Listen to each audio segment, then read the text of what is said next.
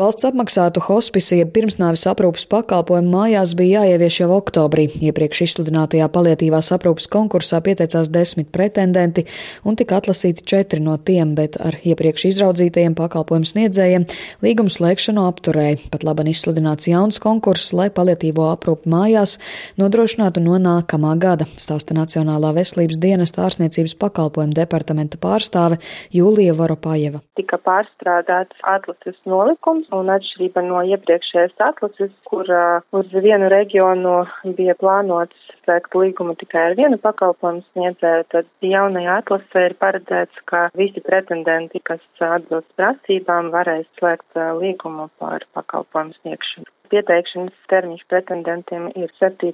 decembris, pakalpojumus plānojam palaist ar 1. janvāri. Un, lai saņemtu šo pakalpojumu, pacientiem jābūt koncilijā lēmumam par to, ka pacienta dzīvildze ir līdz sešiem mēnešiem. Tāds ir nosacījums.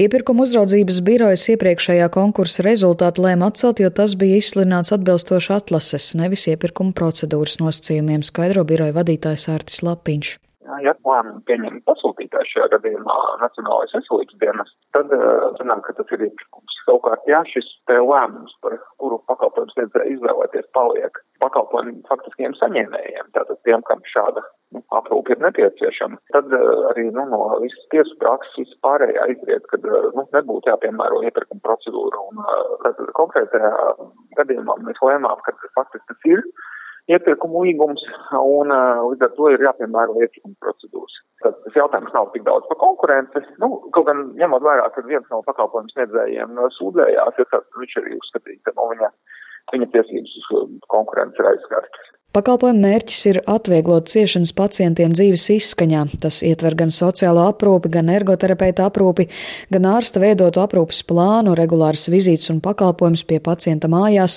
Pakalpojumā arī paredzētas konsultācijas pacientam un viņa tuviniekiem diennakts režīmā, psihosociāls atbalsts, kā arī apmācības tuviniekiem. Līdz šim pakalpojums pacientiem mājās sniegts tikai pilotprojektu veidā un atsevišķos reģionos, tikmēr palietīvās aprūpes nodaļās šiem pacientiem uz gultas vietu jā jāgaida rindā pusotru mēnesi, un bieži cilvēku šo aprūpas iespēju nesagaida. Latvijas onkoloģijas pacientu organizācija apvienības Onko alianses pārstāve Olga Valciņa norāda, ka pakalpojumi top novēloti un kopējā sistēmā ar vienu ir daudz trūkumu. Pirmkārt, tas, kas tiek darīts, jau ir daudz par vēlu, bet, nu, ja runājam no tā, kas tiek darīts, tātad konkurss būs par mobilajām brigādēm, bet tā ir tikai puse.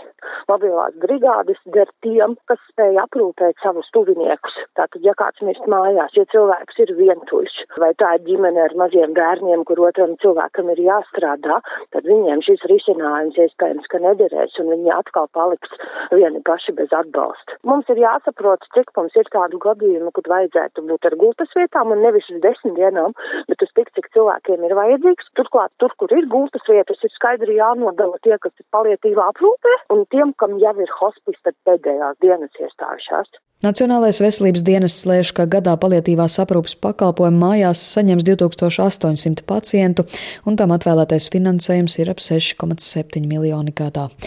Sinti Ambota, Latvijas radio.